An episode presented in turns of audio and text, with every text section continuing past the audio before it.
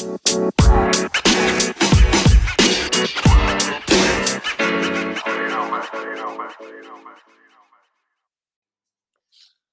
welcome back to Runabout Podcast, podcast yang membahas berbagai macam isu transportasi yang dibahas secara ringan dan santai bersama gue Insan Rido. Uh, setelah beberapa bulan, uh, gue vakum membuat uh, episode baru di Runabout Podcast. Akhirnya gue bisa membuat episode baru kali ini. Uh, jadi terima kasih bagi yang masih mendengarkan Runabout Podcast walaupun ada jeda yang cukup lama. Uh, gue berharap bisa membuat episode lebih reguler sekarang dengan mungkin durasi yang lebih singkat dibandingkan episode sebelumnya dan juga uh, mungkin gue lebih banyak monolog ya walaupun nanti mungkin beberapa episode ke depan gue berharap masih bisa mengundang tamu-tamu untuk diskusi soal transportasi tentunya jadi sekali lagi terima kasih yang sudah mendengarkan Robot Podcast di episode kali ini gue akan coba mendiskusikan terkait uh, vaksinasi dalam konteks uh, transportasi, utamanya sih transportasi publik. Dan gue merasa ini hal yang cukup uh, menarik untuk dibahas karena tentunya vaksinasi ini menjadi isu yang sangat penting untuk kita bahas di tengah pagebluk atau pandemi COVID-19 ini.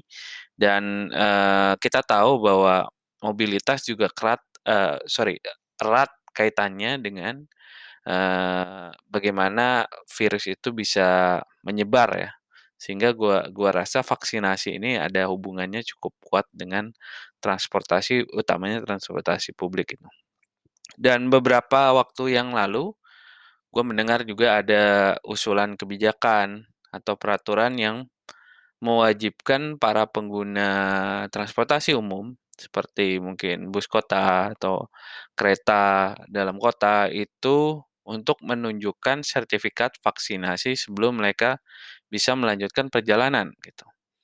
Dan gua sih eh, punya respon yang cukup baik ya, artinya eh, art, artinya kebijakan ini akan semakin eh, membuat orang ingin melakukan vaksinasi dan juga eh, mempermudah.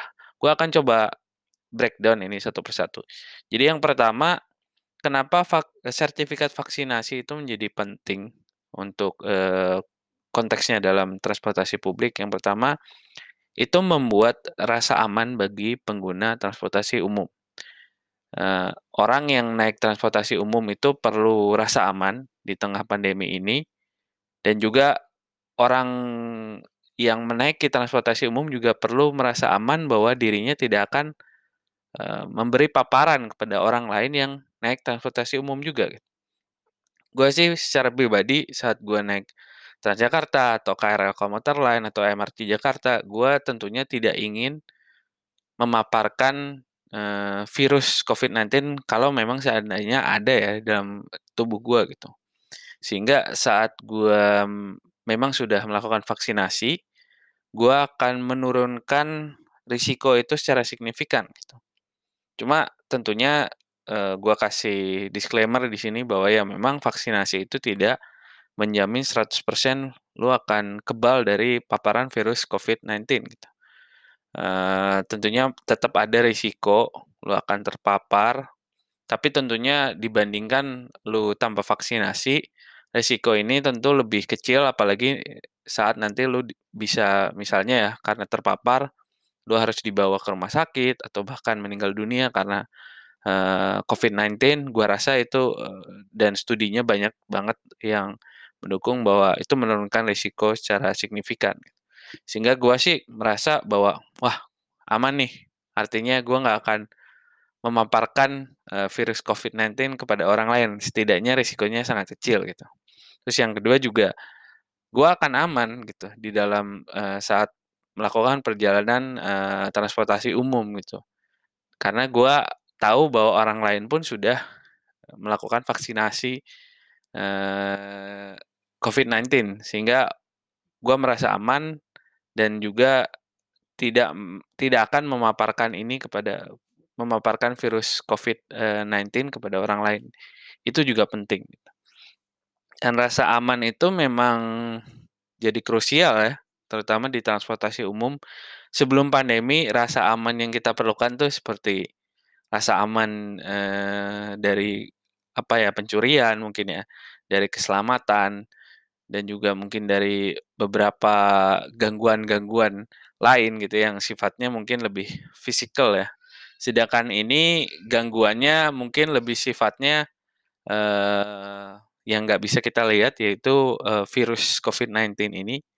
Dan juga seperti yang gue sempat bahas di episode, eee, sebelumnya bahwa transportasi umum itu punya karakteristik yang cukup apa ya, memudahkan mungkin transmisi virus seandainya tidak dikontrol dengan protokol kesehatan yang ketat.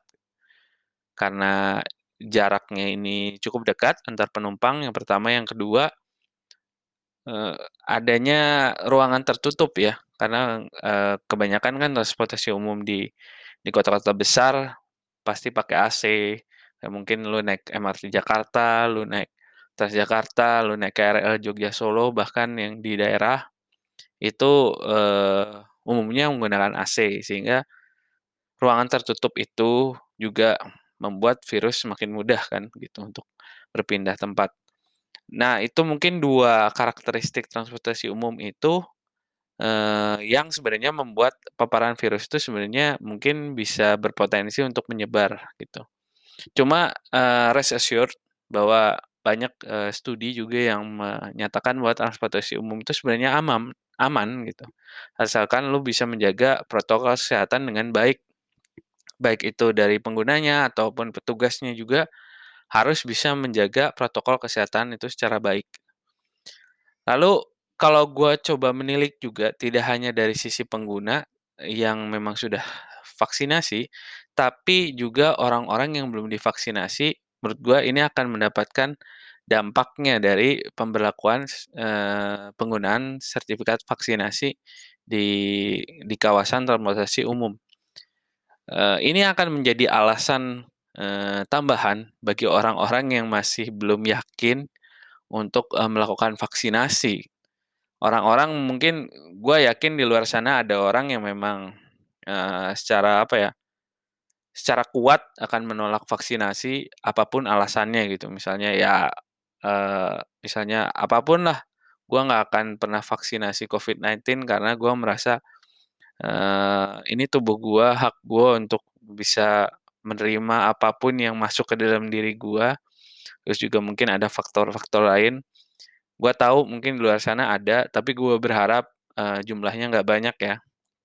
Tapi gue juga yakin ada mungkin orang yang masih belum yakin, eee, untuk melakukan vaksinasi, karena mereka belum punya banyak alasan gitu untuk melakukan vaksinasi ini gitu.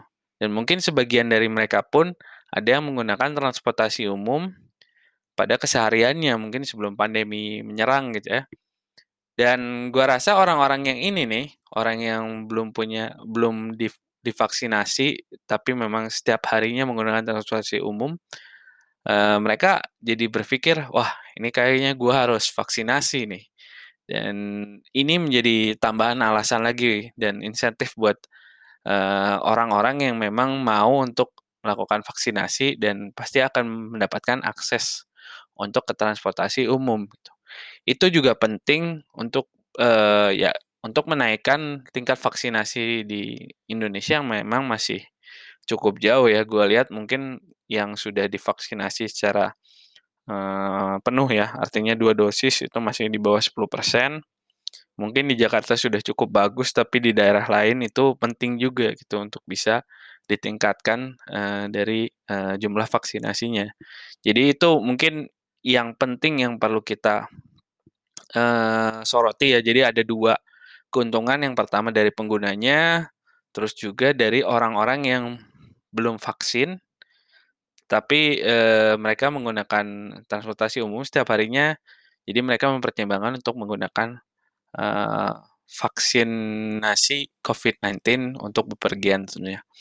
Jadi mungkin, eee, yang akan gua bahas di yang telah gua bahas di episode kali ini tentang itu, vaksinasi, semoga bisa ngasih gambaran ya, buat uh, pentingnya vaksinasi dalam konteks transportasi umum juga. Jadi terima kasih sudah mendengarkan Roundabout Podcast. Kita jumpa lagi, jumpa lagi di episode-episode berikutnya. Jadi have a nice day.